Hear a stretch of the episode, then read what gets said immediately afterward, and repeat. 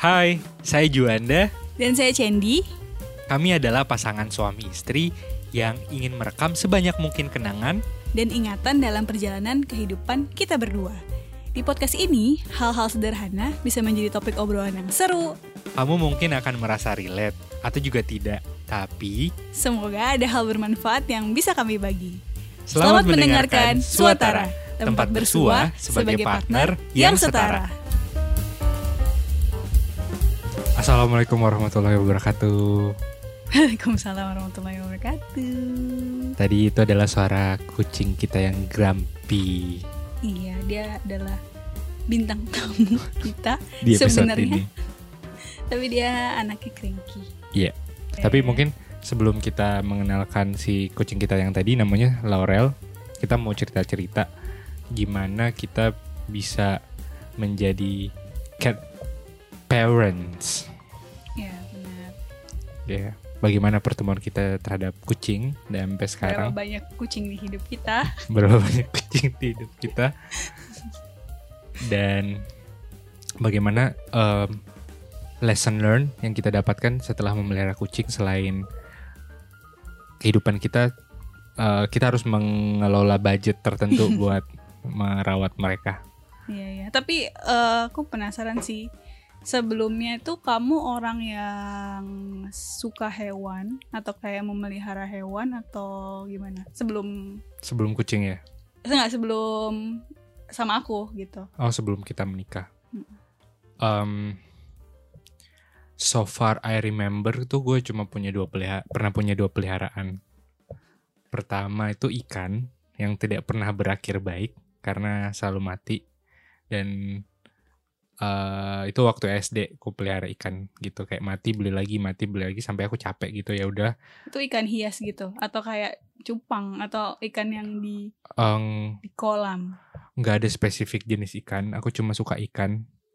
Oh. uh, uh, itu uh, karena aku ikan yang kecil-kecil gitu yang iya, dijual kecil-kecil. di abang-abang SD mm -mm. kadang juga ikan kayak ikan gede ikan yang buat dimakan. Aku suka aja lihat uh, ikan sebenarnya. Taruh di mana? Hah? Taruh di toples, taruh di Hah?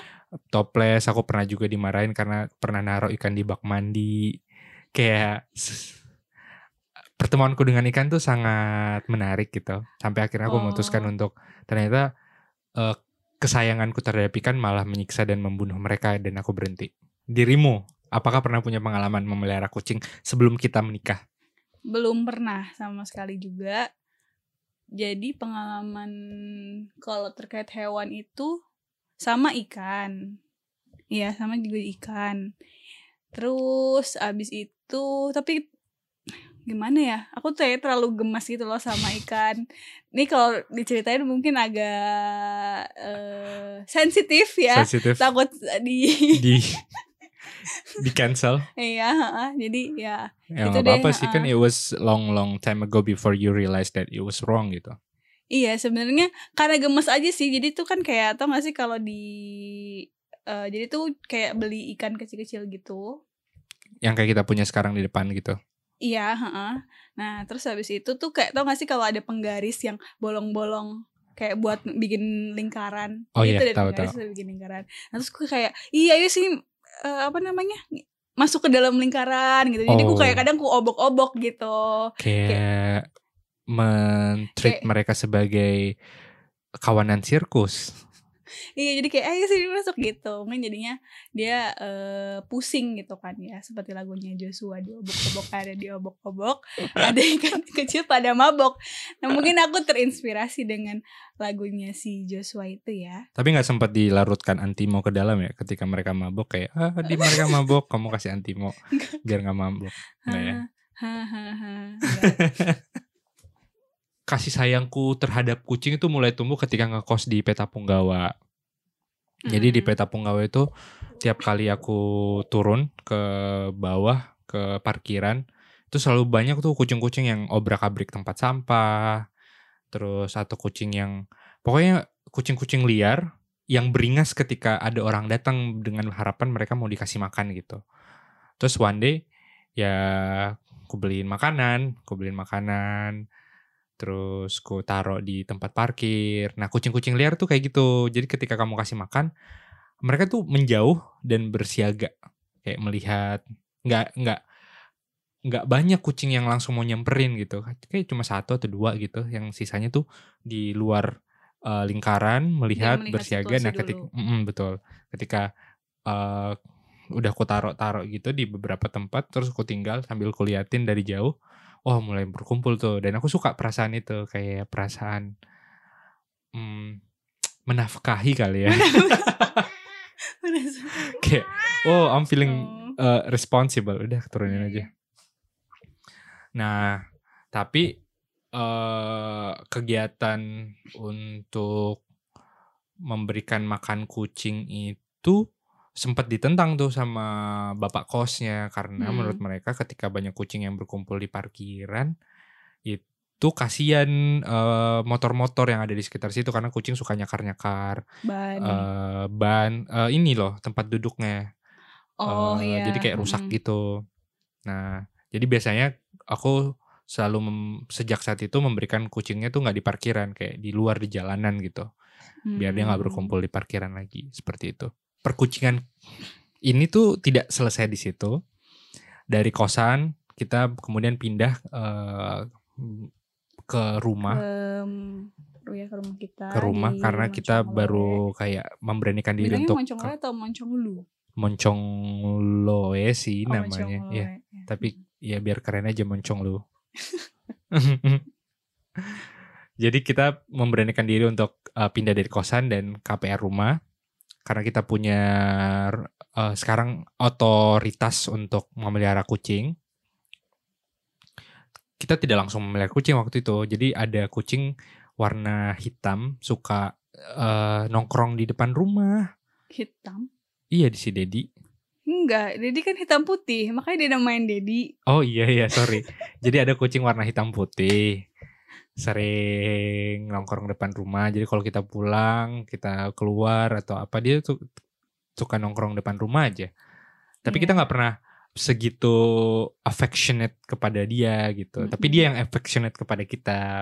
Iya dia tuh bukan tipe kucing yang kayak takut gitu jadi Oh, sebenarnya kalau kucing itu ada dua dua tipe menurutku dia ada kucing yang eh, takut jadi kalau dideketin dia akan menghindar tapi ada juga kucing yang dia eh dideketin tuh makin ya udah biasa aja gitu maksudnya nggak nggak yang takut gitu kalau dideketin sama human Iya. nah yang satu ini dia kucing yang eh tidak Tipe kedua. takut nah, tipe kedua gitu Dan dia kadang-kadang kalau misalnya kita jalan, kita cuma jalan di dekatnya dia tiba-tiba langsung menjatuhkan diri di kaki atau di mana berharap untuk kita ngelus-ngelus dia gitu. Dan itu Mm-mm. membuat kita menjadi oh tersentuh ya. Iya dan pada Dan saat sayang. itu keadaannya dia sedang berbadan Dua. banyak berbadan lima Iya dia hamil, lagi hamil. dia lagi hamil, Dia hamil, hamil, hamil. Hmm. Bayangin ada kucing lucu eh, suka minta dielus, lagi hamil, eh, terus jinak itu mendorongku sama Cendi untuk kayak oh ya udah deh kita eh, pelihara gitu si kucing ini. Tapi waktu itu kita cara peliharanya tuh kita belum nggak Hmm. dimasukin ke Iya, rumah nggak dia kayak cuman kucing outdoor tapi kayak kalau pintu rumah kita terbuka ya silakan masuk gitu cuman Mm-mm. yang kayak belum boleh ke kasur gitu ya karena kita merasa Hmm. eh, kita nggak tahu asal usulnya dia dari mana aja. Hmm. kita nggak bisa menjamin dia nggak bawa penyakit atau enggak jadi kita uh, casual relationship aja gitu kita Ya. kasih makan di luar rumah terus ya kita nggak beliin pasir waktu itu karena ya kamu bisa uh, buang air di alam raya ini gitu. Iya tapi dia nggak pernah buang pas eh buang air di di lingkungan kita rumah ya gitu. Jadi kayak dia cuman mampir terus untuk makan nongkrong tiduran terus habis itu entah pupnya di mana nggak tahu. Mungkin di tetangga kan. Iya. tapi kita juga punya jadwal uh, dua kali seminggu atau satu kali seminggu kalau misalnya kita lagi uh, lowong kita pasti mandiin gitu iya karena kan dia sering main ke dalam Sering. rumah main ke rumah kita biasa mandiin terus keringinnya tuh kayak pakai handuk hair dryer ya udah kita lepasin lagi ke alam jadi kadang sayang juga udah bersih terus tiba-tiba kotor lagi gitu nah si Dedi ini akhirnya melahirkan eh, di halaman belakang rumah kita di dekat mesin cuci Mm-mm. jadi sebelumnya dia udah terlihat resah. Mm-mm. Nah, terus kemudian kamu inisiatif kayaknya dia mau melahirkan sih. Ya udah dikasih. Iya, jadi Hmm. salah satu tanda kucing yang mau melahirkan eh, sepengamatanku adalah dia eh, rajin untuk kayak mencari sudut-sudut. Dia masuk ke rumah tuh gelisah gitu, kayak Hmm. dia eh, mencari sudut-sudut rumah. Nah, itu aku udah mulai insting kayak dia lagi cari tempat aman buat dia melahirkan. melahirkan.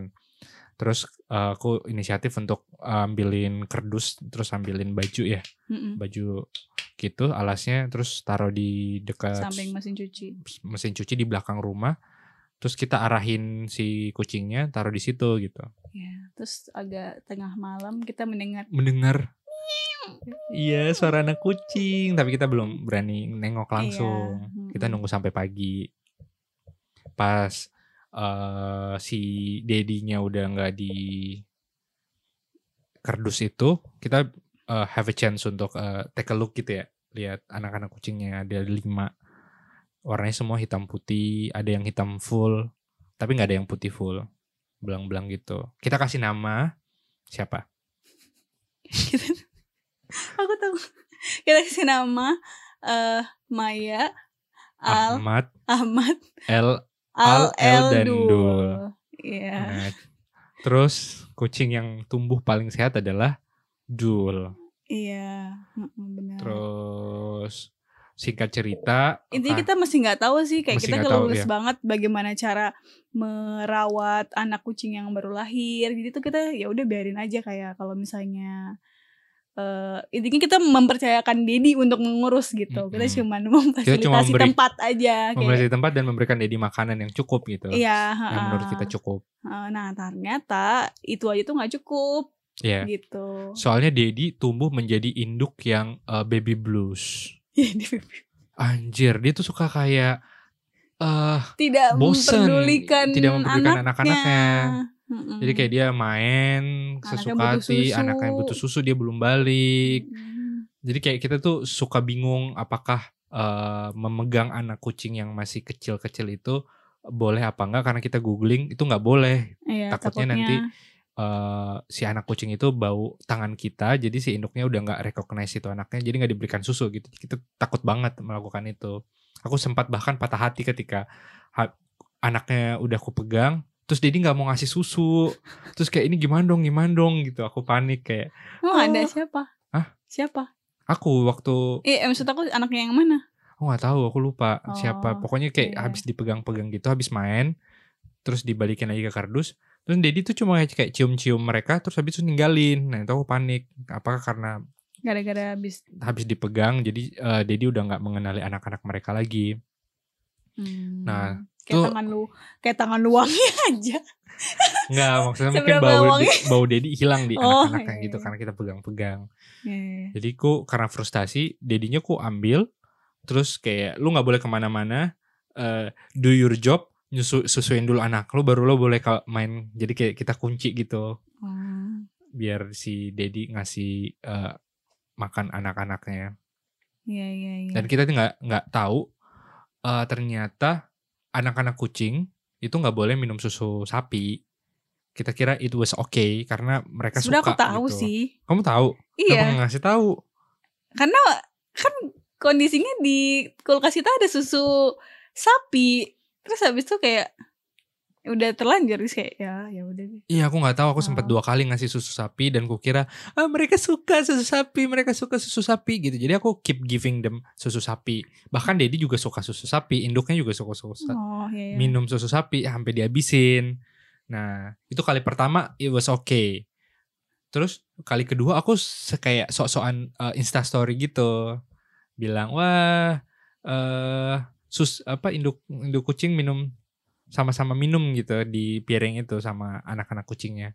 Terus ternyata uh, it was wrong. Ada temanku yang ngerti banget tentang kucing, dia bilang ya usus di kucing itu nggak bisa men- mencerna susu mencerna susu selain sapi. spesiesnya. Iya selain susu kucing Susu atau kambing ya. ya yang paling mendekati susu Menurut kambing. Hmm. Nah terus kayak hah Eh, nggak bisa gitu. Terus aku langsung panik ngambil si susu sapinya nge- nge-singkirin susu sapinya gitu. Dan aku perhatikan emang mencret sih ketika habis minum susu sapi gitu. Hmm, iya iya iya. namanya juga amatir ya Iya. pada saat itu. Nah, karena dedinya itu sebagai induk kucing yang tidak bertanggung jawab ke anak-anaknya, anak-anaknya itu tumbuh dengan eh, tidak terlalu sehat menurutku ya. Ada yang kurus banget, ada yang gede banget. Jadi persaingan untuk Persaingan menyusu susunya di beda. kucing itu nggak nggak fair. Ada yang kalah, ada yang menang. Mm. ada yang mendominasi gitu. Sidul salah satu yang mendominasi. Nah, efek dari situ adalah ada salah satu anak kucing anaknya Dedi yang eh rentan banget sama penyakit gitu. Mm-mm. Si Maya. Maya. Iya. Terus si Maya ini matanya sampai kayak bengkak gitu. Kita kompres, kita bersihin, kita kasih obat mata, tetap nggak berhasil. Karena kayaknya sih tuh karena telat ya kita Mm-mm. ini ini ya.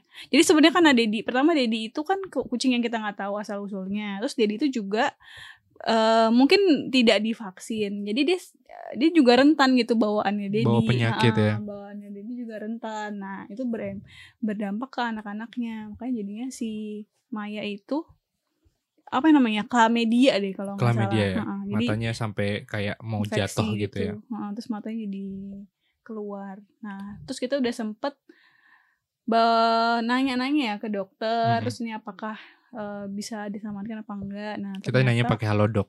Iya, ternyata dia aduh, ada untuk hewan juga gitu. Karena kita juga kelulus nih yang mau bawa. Pertama kondisinya adalah kita nggak punya kandang ya. Eh kita Iya, nggak kita nggak punya pet cargo. Jadi Ah. membawa ke pet shop itu sebuah hal yang effort. Dan kita nggak tahu pet shop yang ada dokternya di mana. Kayak kita benar-benar Iya, kita masih kelulus banget tuh nggak nggak ngerti lah berkucingan. Jadi kita cuma nanya di halodoc, terus habis itu dikasih obat tetes mata. Tapi pada intinya itu tidak membantu lagi karena udah telat. Jadi tuh endingnya tuh dia matanya keluar akhirnya. Terus eh, sad ending sih untuk Maya. Iya. Terus kayak si induk kucing itu ketika ada anaknya yang penyakitan Mulai di mulai dijauhkan jauhkan. dari yang lainnya. Jadi si Maya ini bener ke- udah dia kurang nutrisi, udah nggak dapat susu, kayak dia dibuang gitu sama si Dedi induknya. Sampai suatu hari kayak kita dengar ngeong ngeong ngeong ngeong di belakang rumah kita. Ternyata dia kayak dibuang, dipisahkan. Terus dia nggak bisa menemukan Dedi di mana. Dia cuma kayak tergelepar lemes gitu. Waduh itu panik banget. Huh. Iya. Terus Ah. suhu badannya juga terus menurun. Mm-mm. dingin sampai ditaruh di sebelah eh, rice, rice cooker. cooker. Aduh itu sedih banget sih karena dia tuh kayak nggak mau dipegang. Ketika kita pegang dia juga menggeliat. Kita kasih pertolongan pertama ada yang bilang kasih madu, Madu. kasih eh apa sih susu su- itu semua dimuntahin sama dia. Terus kita bikin badannya tuh kayak burrito, masukin ke kain biar panas tubuhnya nggak hilang. Kita taruh samping eh, rice cooker. Tapi tetap aja tidak paginya, membuat si Maya jadi sadar gitu. Besok paginya udah Dingin badannya, kaku. Itu pagi-pagi sebelum berangkat kerja aku harus menggali kubur di depan di teras halaman. Terus sedih sih. Sekarang sisa Dedi, Al Ahmad, Al El Dandul. Iya. nggak ada Maya. Kok apa karena salah kita? Iya kayaknya kita Mungkin harusnya Mulan ya. Mulan. Mulan Bukan Ahmad Maya Al ya. Dandul. Eh, terus sisa empat tuh anak kucingnya. Kita masih melihara mereka di luar rumah waktu itu. Iya, mm-mm, benar. Kita nggak kasih masuk ke dalam rumah. Terus tiba-tiba kita punya kepentingan untuk Bukan kepentingan, kita punya agenda liburan. agenda liburan waktu itu benar agenda liburan ke Bali Iya. untuk eh, Semingguan ya itu ya kita. ya ke kita mau Bali. ngambil license buat eh, open open water Mm-mm. diving. Nah, karena kita em, jujur merasa mm, budgetnya juga terbatas waktu itu, jadi kita nggak bawa ke mereka ke hotel kucing karena ketika dikali empat anak dikali eh, induknya itu gede banget eh, biaya buat semingguan ya. Jadi kita eh, meng-hire satu orang tukang kebun, Tukang di kebun komplek untuk- kita gitu kita kasih uang dan kita siapin makanan untuk kayak setiap Rutin pagi dikasih. sama sore ngecek kucingnya dan ngasih eh, makanan dan minuman di pojok rumah kita Mm-mm. Tapi tidak berselang cuman berapa hari sekitar ya? dua hari Dua hari. eh kayaknya karena si tukang kebunnya ini juga skip pernah skip gitu lama dan mungkin udah kehabisan makanan sehingga si kucingnya tuh cari makanan di luar rumah gitu jauh dari rumah kita jadi kayak di hari ketiga si kucing ini udah nggak pernah terlihat lagi sama si ke si pak Pak siapa Iya. sih namanya Daeng ini, Herman Pak Herman Pak Herman. Oh bukan dan Daeng ya bilangnya. Oh Pak. Herman ya. ya Pak Herman Ya dah. nah si Pak Herman ini bilang wah di hari ketiga kucingnya udah nggak kelihatan lagi Iya. Terus kayak ya udahlah kita lagi di Bali juga mungkin nanti pas kita pulang kucingnya balik lagi harapannya gitu. Iya.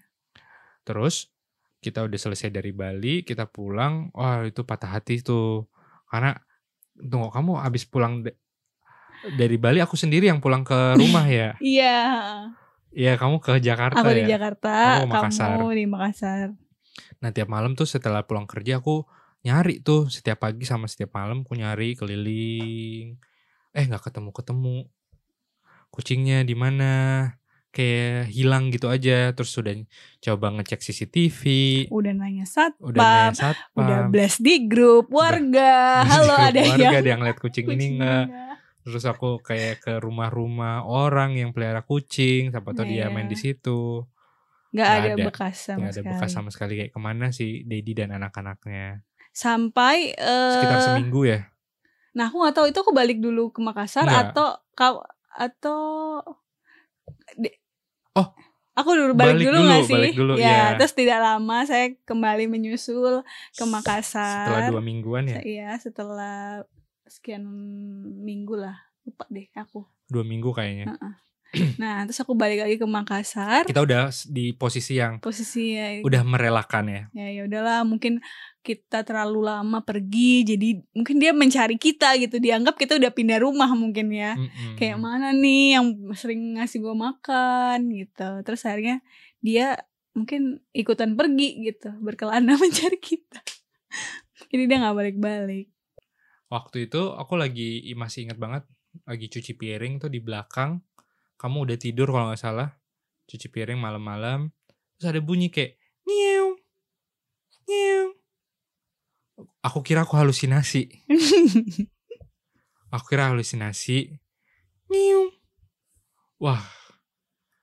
Itu tunggu dia di depan pintu atau di sebelah pagar ya? Aku lupa deh. kayaknya di pagar ya? seberang deh Hmm, di jadi di sebelah rumah kita itu tuh ada kayak Kebun. ladang eh ya kebun ya kebun jagung gitu kebun jagung terus dia kayak bunyi ngeong-ngeong gitu kamu lagi tidur aku merasa kayak ah aku halusinasi ya. Terus aku bangunin kamu ya? Iya, ha, benar kamu bangunin. aku cuma butuh second opinion kayak lu denger apa yang gue denger nggak? Gitu. Terus ternyata kamu juga mendengar. Terus kita ambil center terus kayak oh kita cari gitu ya di kebun itu malam-malam. Oh ternyata kita ketemu Dedi yang udah Tapi dengan compang-camping. camping dia udah kayak Udah nggak hitak tahu. di mana-mana Iya. jamuran Heeh. Terus kotor. kotor Entah habis berkelana ke mana nggak ngerti juga sih dia. Selama ada kita sih dia nggak pernah yang sekotor, sekotor itu, itu, Mm-mm. gitu. Tuh pas kita ketemu anjir udah kotor banget tapi dia nggak sama anak-anaknya kita nggak Iya. dia cuma datang sendiri nah aku pikir tuh eh, dengan mengikuti Dedi dia akan melit kita ke Anak-anaknya. anak-anaknya terus kita amatin terus dia ke mana dia ke mana tapi tetap saja dia nggak pernah eh, membawa kita ke tempat anak-anaknya dan kita juga nggak tahu anak-anaknya ada di mana Iya, jadi udah dari situ kita cuman ada Dedi doang gitu. Nah, kemudian berakhir dari eh berawal dari hilangnya anak-anak Dedi itu kan di blast tuh ya di grup. iya Nah, terus ada nih salah satu satpam kita.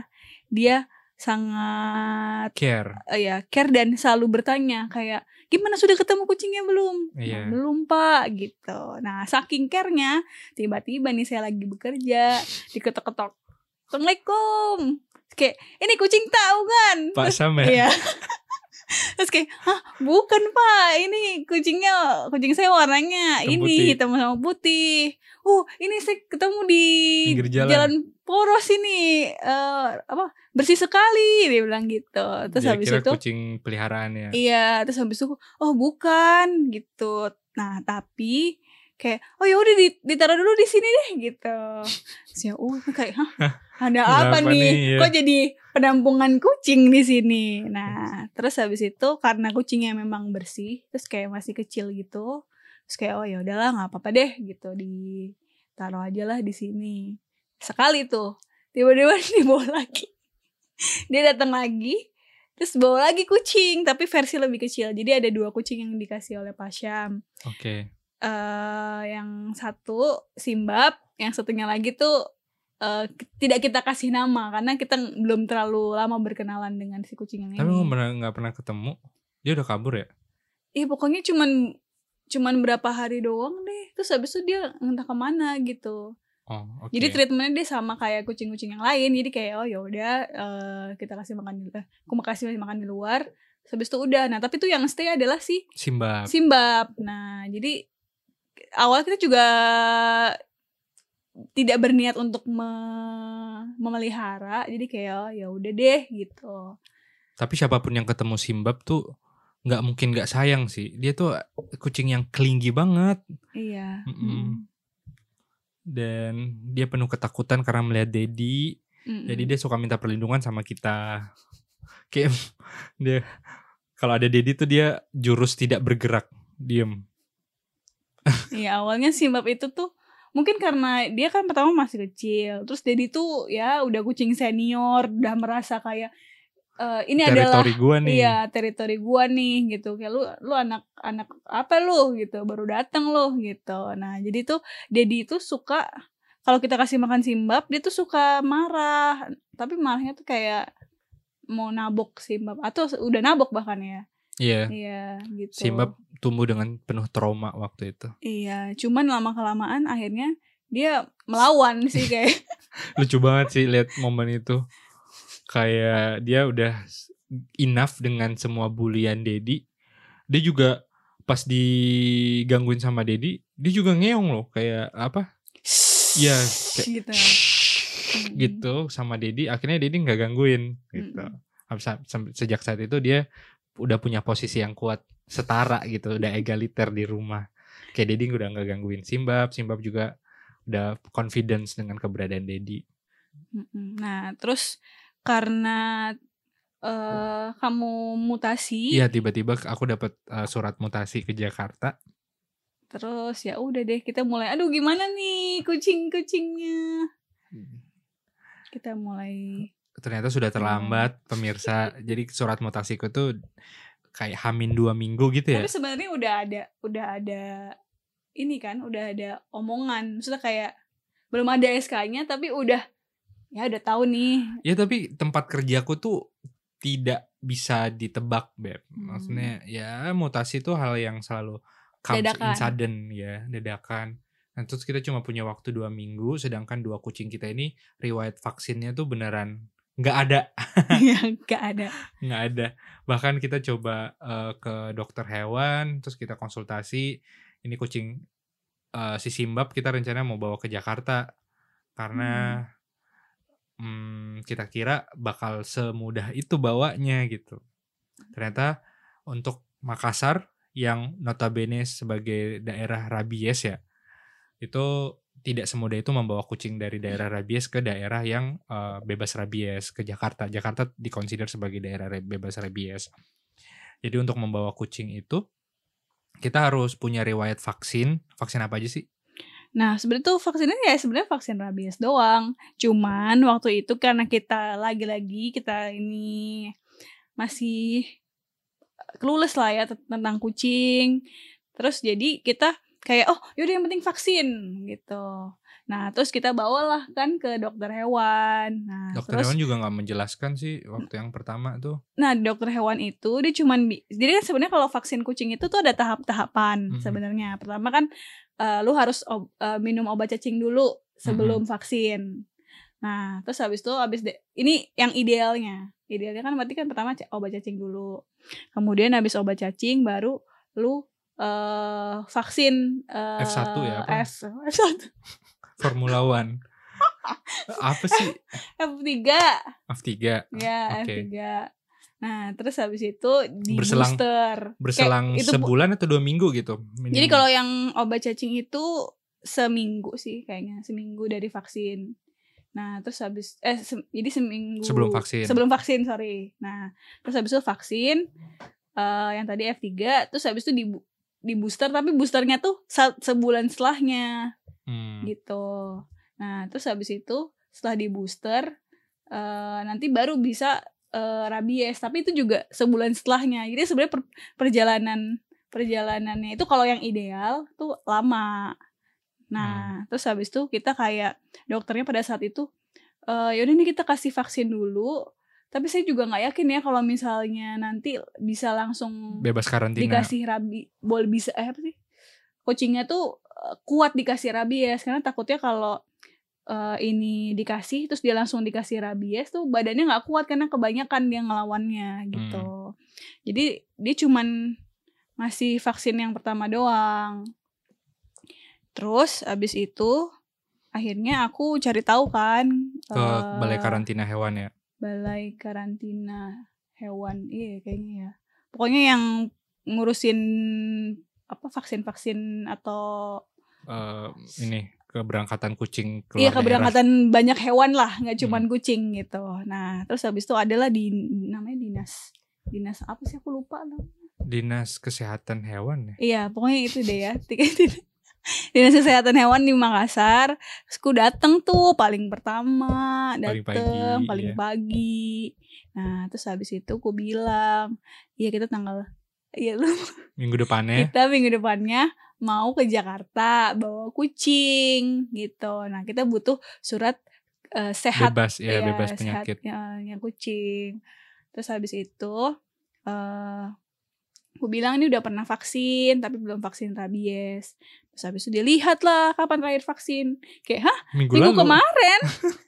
Wah ini mah nggak bisa gitu. Ini tuh harus intinya lama lah. Intinya kayak harus nunggu sebulan lagi untuk bisa vaksin rabies. Terus habis itu dokternya bilang, kenapa kemarin gak langsung vaksin rabies aja? Kenapa?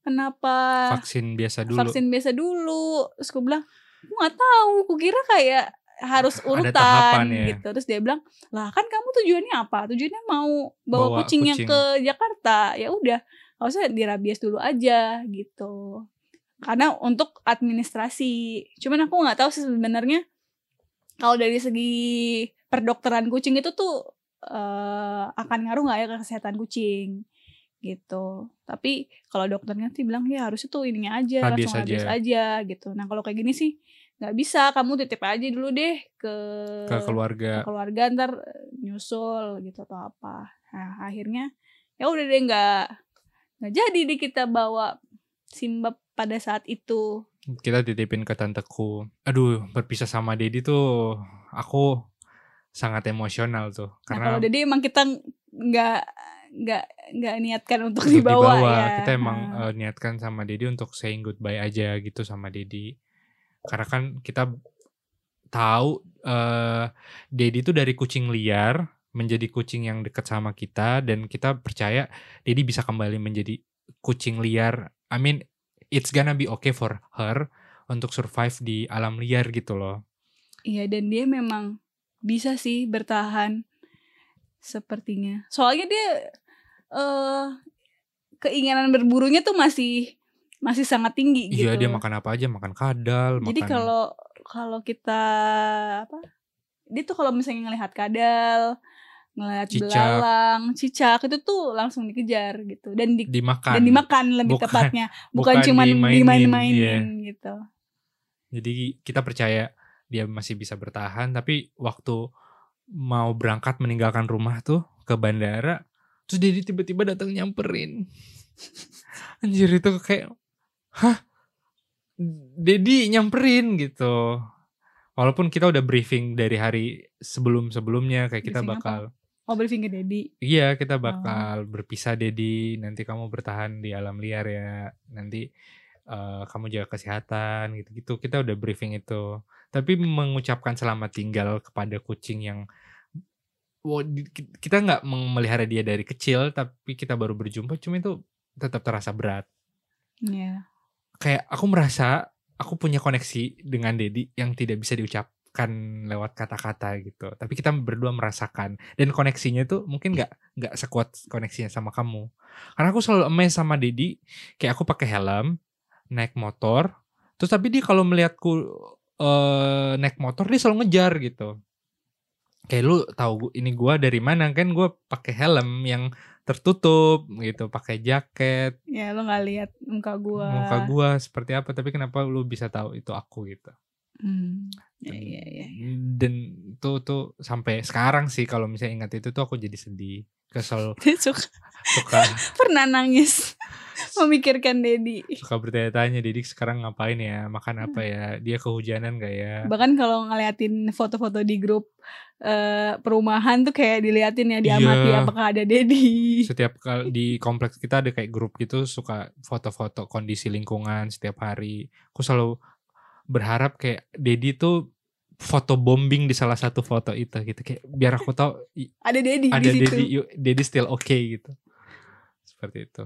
Iya, iya. terus karena kesedihan ini berlarut-larut sampai kita di Jakarta gue masih memikirkan Dedi kok suka iseng-iseng tuh ke Facebook ada grup hibah kucing. Hmm, iya, iya, nah di iya. grup hibah kucing tuh ya aku punya komitmen sih. Kayak kucing itu aku nggak mau beli karena populasinya tuh banyak banget di dunia ini sehingga ketika kita beli kita sama saja ada satu kesempatan kucing liar di luar sana yang tidak tertolong kalau misalnya kita beli gitu. Terus tiba-tiba di salah satu Facebook ada orang yang approach aku namanya Kevin. Orang yang approach apa? Kamu yang approach? aku dulu yang approach. Oh iya. kayak eh, kucingnya masih available nggak gitu. Terus tiba-tiba dia mengapproach balik eh masih berniat adopsi kucing nggak gitu terus aku merasa masih berniat cuma kucing yang aku taksir ternyata udah diadopsi orang lain Ya. mm-mm. jadi kayak kucing hitam putih juga yang ku taksir itu because it's going to be a reminder for daddy gitu jadi aku pilih kucing warna hitam putih ternyata udah diadopsi sama orang lain dan Iya. adanya adalah kucing warna apa sih eh, Laurel? Eh, dia abu putih gitu. Kayak ada dua pilihan kucing gitu ya. Iya. mm-mm.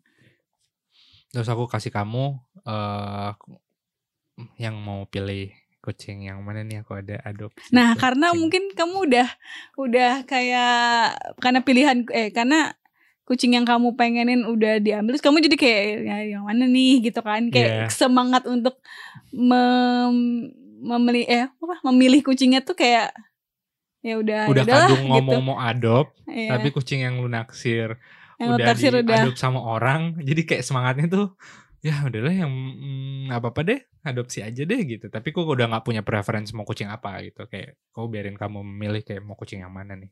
Iya, nah kalau aku sendiri tuh, eh jadi ini adalah pengalaman pertama aku di hidupku dan di rumahku dan di keluargaku terkait memelihara kucing. Jadi tuh aku agak eh maju nggak nih, maju nggak nih, maju nggak nih. Oh, setengah-setengah gitu. juga ya? Iya, heeh. tapi itu sebenarnya udah mulai apa ter terpatahkan itu pas rencana kita mau bawa simbab Iya. gitu jadi eh, aku sempat eh kayak bu- bukan bertanya ya tapi lebih ke kayak menunjukkan video simbab yang paling lucu, Lucu. Ya, pokoknya jadi itu jurusnya tuh bukan jurus nanya tapi tuh jurus kayak biar kayak apa ya istilahnya Luluh meluluhkan hati Iya meluluhkan hati supaya dia kayak yaudah dibawa aja gitu. Nah dengan ternyata jurus video terbaik. Iya video terbaik yang paling lucu, yang paling Yang kayak paling, oh, kasihan nih "Ah, kalau ditinggal, ditinggal." gitu.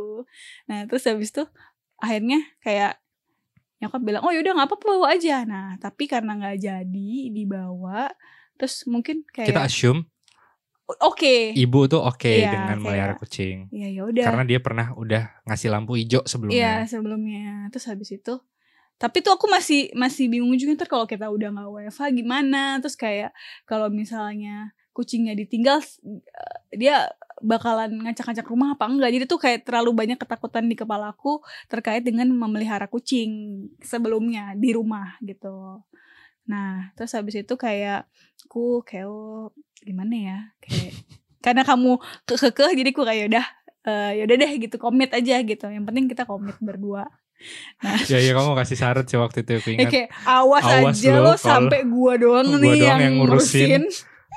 Aku bilang ya kita mengurusin bareng-bareng.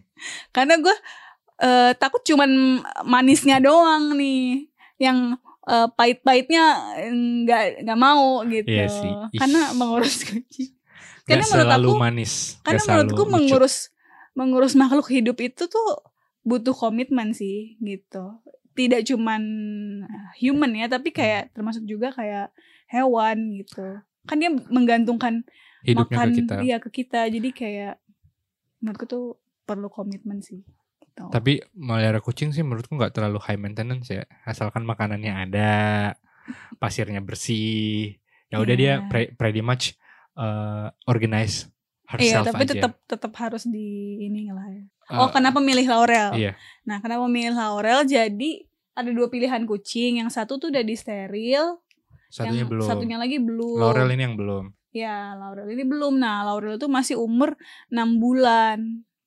Lima Kenapa? gak sih? Eh, 5 ya? Apa 6? Mm-mm, Ya lima. pokoknya sekitar Mm. 5 atau 6 lah. Terus aku kayak, oh ya udah deh yang ini aja deh yang Yang masih paling belum belia. ya, ya, yang masih belia lah Karena yang satunya setahun ya umurnya ya. ya udah udah gede lah. Jadi aku nggak tahu tuh kayaknya umur-umur udah besar tuh udah terbentuk Uh, kebiasaan. kebiasaannya yang kita mungkin nggak tahu gitu. Nah, kalau yang masih muda mungkin bisa lebih dibentuk lah. Terus ya udah kayak ya udah yang ini aja nih yang Laurel ini gitu.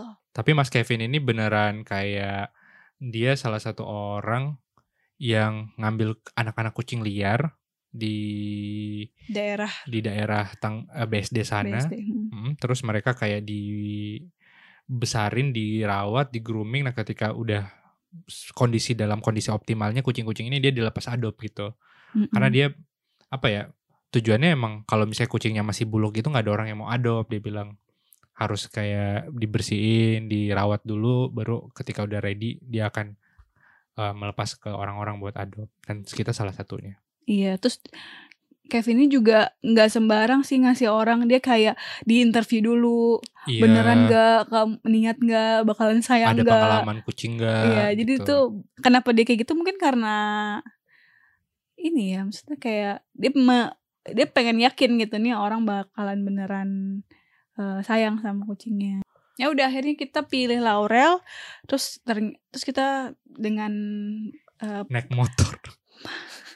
Dengan Jadi perlengkapan pada saat seadanya. itu ya karena seadanya kita belum beli pet cargo terus kita mampir di ke pet salah shop. satu pet shop. Di perjalanan kita dari Jakarta Timur menuju Tangerang dengan motor Vario 125 itu jauh banget. Jauh banget. Tapi untung waktu itu masih kayak pandemi-pandemi gitu jadi jalanan gak terlalu macet sih. Tapi itu walaupun gak terlalu macet udah macet sih rasanya. Enggak sih pegel aja sih sebenarnya. Itu karena jauh banget habis itu harus pegang pet cargo gitu. Iya. Terus Laurel kita rawat awal-awal dia adalah kucing yang sangat ketakutan.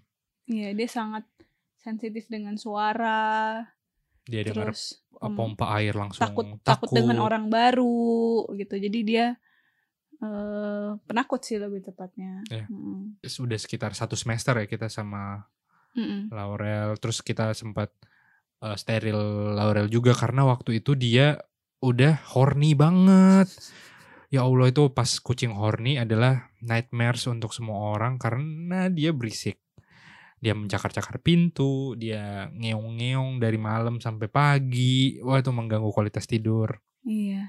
Aku Kita juga stres. Ya udahlah dia bakal bisa diem gitu. Ternyata tidak saudara-saudara.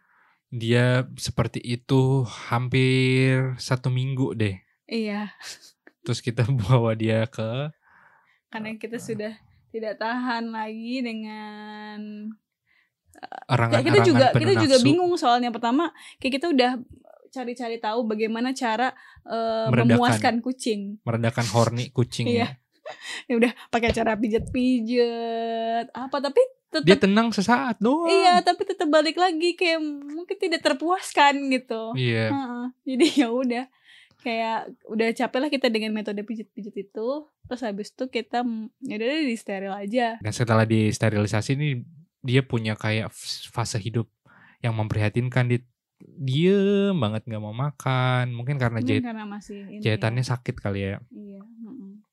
Kita Ya. udah diwanti, eh, bukan diwanti-wanti sih kita nanya kayak kucing tuh kalau misalnya habis steril tuh bakal kayak gimana sih? Terus kayak ada salah satu teman kita bilang, iya kucing kita tuh jadi pendiam, murung banget. Tapi itu dalam jangka waktu yang eh, ujungnya akan eh, misalnya tetap murung gitu. Nah kalau Laurel tuh cuman pas saat recovery doang. ya recover seminggu terus pas lepas jahitannya udah dilepas jahitannya wah dia udah mulai menampakkan sifat yang eh, kita nggak pernah lihat sebelumnya dia lebih aktif setelah di steril dia lebih cerewet tapi cerewet bukan yang kayak horny gitu dia sangat manja teman-teman dia itu kalau misalnya makan harus melihat ada kita di sampingnya baru dia mau makan gitu Ya kadang suka minta ditemenin. suka minta temenin tuh kalau nggak ditemenin tuh dia nggak berhenti ngeong-ngeong Iya. mm-mm. nunggu kita kalau kita ke kamar mandi nunggu kita depan ke pintu kamar mandi terus pas kita keluar dia langsung kayak kita nggak tahu sih sebenarnya dia ngomong apa Iya. gitu dan apa yang kenapa dia mempermasalahkan kita? Mungkin kayak lu mandi lama banget gitu. Atau apalah yang kenapa lu nggak nemenin gue makan? Iya Heeh. sama dia itu eh suka banget ini bangunin kita subuh subuh oh iya. Dan selalu suka kadang dia suka eh itu mut-mutan sih kalau misalnya tidur di tengah-tengah kita. Tapi kalau tidur di deket aku selalu cuman kalau tidur di tengah-tengah kita tuh jarang dia suka naik ke dada kamu Iya. terus jilat jilat jilat jilat jilat jilat Mm-mm.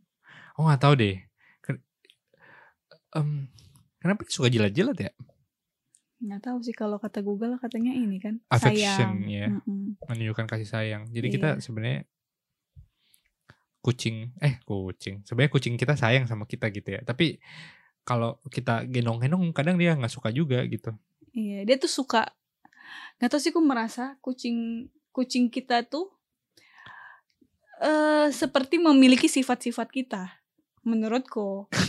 Kenapa tuh? Nggak tahu kayak sifat ingin ditemani tuh aku melihat di kamu sifat itu. Kayak kamu pengen ditemenin pengen ada di sekitar pengen ada deket tapi nggak mau diganggu ya Gitu. aku nggak mau ditanya-tanya. Iya kayak tapi kayak pengen do your own business tapi kayak ya tapi udah aku pengen di- deket-deket. Iya. Pengen deket-deket tapi ya udah eh, deket aja gitu loh nggak usah ganggu gue dan itu ada juga di Laurel. Kayak dia pengen deket-deket kita tapi kalau digangguin dia nggak mau gitu. Ya dia selalu JB-JB sih ke mana kita duduk. Dia juga suka JB di belakang laptop samping laptop. Tapi pas kita dudukin di paha terus kita elus-elus dia nggak mau. Iya gitu. Terus apa lagi ya kayak banyak deh sifat-sifat dia yang mencontoh sifat kamu apa sifat aku apa ya yang kan aku eh nggak tahu deh kan apa mencontoh sifat kita ya kan tadi udah ke kamu kamu dong nanti jadi aku aku Oh. yang mengini sifat apa ya aku sendiri Hmm. Hmm. Nggak ada sifat kamu sih di Laura. masa sih hmm. Eh, apa ya? bangun pagi Iya kali, iya bangun pagi. Kamu selalu menjadi morning person. Dan Laurel juga gitu, dia bangun pagi banget.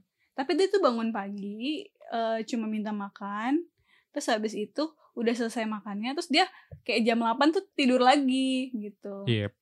Padahal sebenarnya kucing itu nggak perlu kita worry-worry banget ya. Mostly Iya. off hidupnya adalah makan dan tidur doang. Iya jadi sebenarnya pagi makan terus habis itu siang tidur jadi kalau kita tinggalin kerja juga nggak masalah gitu kayak Iya. dia bakalan ya tidur juga seharian di di rumah gitu nah terus habis itu eh, kita eh, worry sama Laura kayak ih dia kucing sendiri nih Iya, di kita rumah takut dia kesepian. iya terus kayak eh, jangan-jangan sifat ketakutan dia itu karena kurang bersosialisasi Ya, gitu. betul. Jadi tuh kita sempat eh, waktu itu mau Adopsi lagi. enggak waktu itu kita mau vaksin. terus habis itu ada salah satu orang di apa pet shop ya di Amore itu dia kayak nanyain kenapa nih kucingnya kok takutan Iya. gitu kayak kenapa ku dia kayak waktu itu kan ngeluarin sampai kayak eh, Jantungnya berdegup kencang Iya, banget. jantungnya eh, jantungnya berdegup sama dia kayak mengeluarkan lidah gitu, kayak dehidrasi. Dia takut itu lihat adalah- orang baru dan Iya, intinya baru. heeh. nah, terus habis itu eh, orang itu tuh bilang kayak eh, coba deh dikasih teman gitu biar dia eh, lebih Lebih relax jadi kucing. kali ya, heeh, gitu kayak nggak nggak takut dengan dengan lingkungan baru gitu.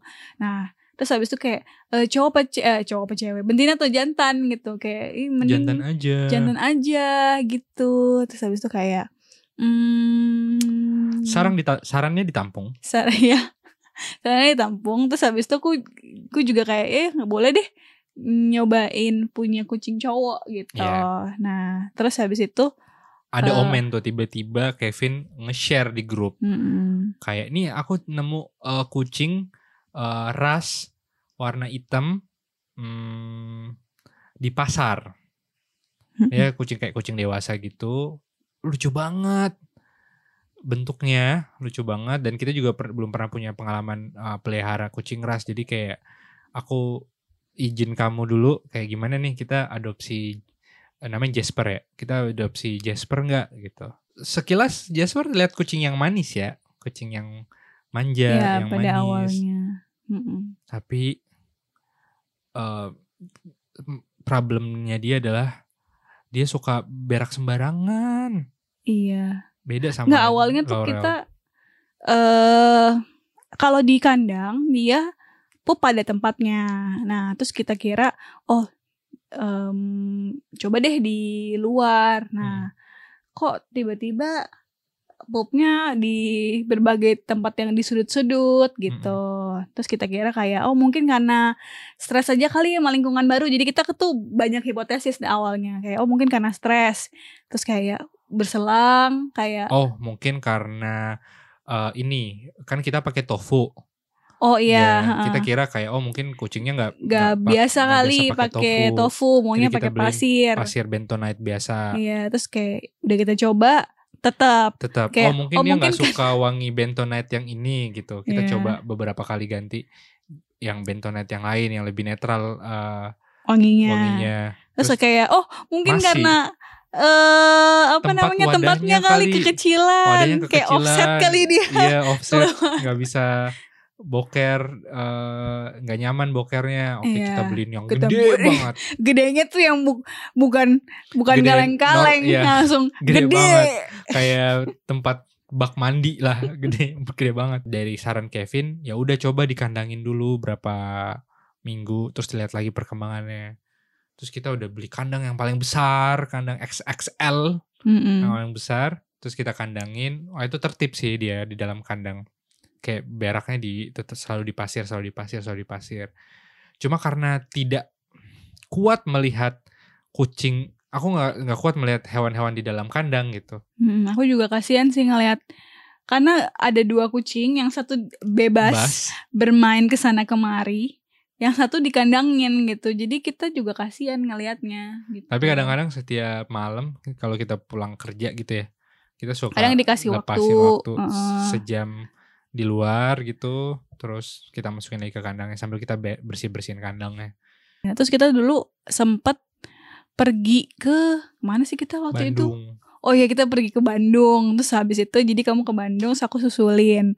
Nah di situ tuh kita jadi harusnya du- kita dua hari itu ya. kita eksperimen Iya, jadi tuh biasa kita cuman ninggalin kucing itu pagi, so malam udah balik. Nah, ini tuh kita eh dua hari nih. Nah, aku satu udah malam dua hari satu malam Oh ya dua hari satu malam. Terus aku udah persiapin tuh kayak aku siapin makanannya makanannya segede banget, minumnya juga gede. Nah, terus habis itu eh pasirnya juga Iya, heeh. Nah, terus habis itu udah aku pergi eh malamnya aku dapat laporan karena ibu ke rumah kayak ya kita nggak masukin ke kandang eh, Iya. sekedar info kita mm, lepasin dia di area dapur terus iya. dapurnya pintu dapurnya kita kunci gitu jadi, Jadi, mereka di- ya udah di situ-situ aja. di situ-situ aja. Tapi area dapurnya untuk ngasih kalian gambaran tuh lumayan luas sih, sekitar 5 kali 6 meter gitu ya Iya area. luas kok. Hmm, gitu. luas. Heeh. Tapi di situ banyak barang-barang kayak ada bawang, ada kulkas, ada iya. Ya Jemuran. lah. Nah terus habis itu dapat laporan, ih ini nih kok kucingnya Berak sembarangan. ada tiga. Terus kayak, hah? Ada tiga. Iya ada tiga, tiga, tiga Titik. pup. Oh, Nah, gitu. Tapi di daerah yang sama gitu, di, di kayak ngumpul di situ. Nah terus habis itu kayak waduh ya gimana nih. Tapi pasti di, ibuku bersihin sih. Jadi pas kita eh, udah balik ke Jakarta, ibuku bilang eh, sebenarnya kondisi yang kalian lihat ini adalah kondisi yang sudah dibersihkan. Jadi sebenarnya kondisi yang sebelumnya tuh mess banget gitu. Kayak kucingnya si Jasper ini di atas Di kulkas, kulkas. dia bilang yang ngajak-ngajak ke bawang. Terus habis itu ada pup tiga. Nah, terus habis itu karena pasirnya berantakan. iya, nah terus karena itu tuh ayah tuh jadi trauma. Gak mau lagi Dia ke sini. Dia bahkan kayak tidak mau ke dapur, kayak "Eh, nggak mau ih gitu. Nah, kita kayak ya yang kita bisa kontrol cuman kita bersihkan aja gitu, dan kita coba training Iya. gitu. Cuman eh setelah sekian lama kita berusaha untuk bisa mengajarkan Jasper, tapi sepertinya Kita udah mencoba susah ya. hampir semua eksperimen dan kita juga mencari literatur kalau misalnya kucing kita ada dua siapin tempat eh, buang airnya tiga gitu selalu kayak lebihin satu tapi itu tetap tidak berhasil Iya kita misahin loh bahkan tempat pupnya La- Laurel dan Jasper gitu. Iya cuma emang eh, Laurel beberapa kali Pup di eh, tempatnya. pup di tempatnya Jasper gue nggak tahu apa motivasinya Betul. terus karena Candy bulan ini akan ke Batam ya dalam waktu sebulan ya Satu setengah bulan. satu- lama banget Satu Semoga setengah. tidak diperpanjang ya. Ah, satu setengah bulan jadi aku terus terang ke Kevin kayak ya Vin ini kayaknya kita Dia stres sih kayaknya ngurusin dua kucing. nggak sanggup untuk besar besarin dua kucing gitu apalagi dengan kondisi Jasper yang seperti ini terus kayak aku balikin kucingnya kita balikin kucingnya ke Kevin, nah sekarang tuh si Jasper lagi hmm, apa ya proses training Iya. sama Kevin sebelum siap diadop lagi ke dengan ke orang lain gitu. Nah sekarang nih kira-kira hal positif eh, atau lesson learn yang kamu dapetin setelah eh, memelihara kucing sekian lama, walaupun kita belum bisa dikatakan sebagai eh, kucing lovers, tapi kita menuju ke sana gitu. Ada nggak sih manfaat yang kamu rasakan? Manfaat ya. Ah, Mungkin boleh manfaat atau apa gitu ke- kayak perubahan baik yang terjadi dalam hidup kamu setelah ada kucing gitu. Lebih kalau dari aku pertama itu adalah kebersihan. Jadi sebenarnya kucing itu akan bersih kalau tuannya juga bersih, kalau rumahnya juga bersih gitu. Nah, jadi tuh eh, membuat kita jadi rajin bersih-bersih sih lebih tepatnya. Itu yang pertama ya menurutku. Karena nggak cuman nggak cuman manfaatnya di eh, apa kucingnya, tapi juga berpengaruh ke kitanya lah ya untuk tetap menjaga kebersihan rumah gitu. Terus habis itu dia eh, mengajarkan dia mengajarkan dia nggak secara langsung mengajarkan sih tapi eh kayak dia selalu bangun lebih pagi. Jadi kadang tuh dia mm, membuatku juga bangun gitu di jam itu. Gitu. jadi dia bukan dia jadi alarm lah. Entah kenapa menurutku kayak gitu sih. Terus eh ada yang bisa di ini peluk-peluk Kan aku juga bisa dipeluk-peluk. Iya bisa sih, tapi beda. Ada situ doang. Kalau aku sih lebih menganggap Laurel tuh stress rel- reliever gak sih kalau misalnya kamu lagi eh tidak baik-baik saja gitu, misalnya lagi jenuh atau lagi Nggak, apa? kalau aku justru bukan stress re- relief sih. Justru ketika aku sedang stres, Laura selalu menemani aku. Oh. nggak tahu sih jadi misalnya aku lagi sedih atau lagi apa terus aku aku tuh tipe yang kalau lagi sedih tuh akan menyendiri atau kayak pergi gitu. Nah ketika aku sedang menyendiri mojok terus selalu dia datang. Kayak datang nggak ngapa-ngapain tapi dia selalu menemani aku sampai sampai aku selesai gitu. Dia temenin nggak ke mana-mana. Dia juga kalau misalnya kamu ngambek tutup pintu, dia di depan pintu mm, itu. Iya, jadi kalau jadi gue tuh selalu kalau misalnya lagi pokoknya gue selalu entah entah keluar atau misalnya aku ngunci diri di kamar, dia tuh selalu ngikutin kayak dan nyari kayak ngoyong-ngoyong gitu kan gitu dia kayak mungkin mau make sure aku nggak kenapa-napa aja sih kayak Kalau gitu. dibandingkan dengan Dedi, eh Laurel kayaknya lebih punya eh, strong bonding sama kamu sih daripada sama aku. iya kayaknya.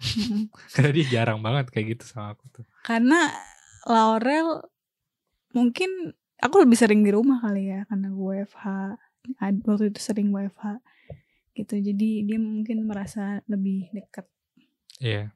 Dan dia juga suka menjadi pengingat waktu kita kalau misalnya waktunya udah berhenti kerja, udah sore. iya udah sore ya dia tuh udah gangguin langsung kita mengacau, Mm-mm. naik laptop, tidur tidurin laptop kita kayak times up.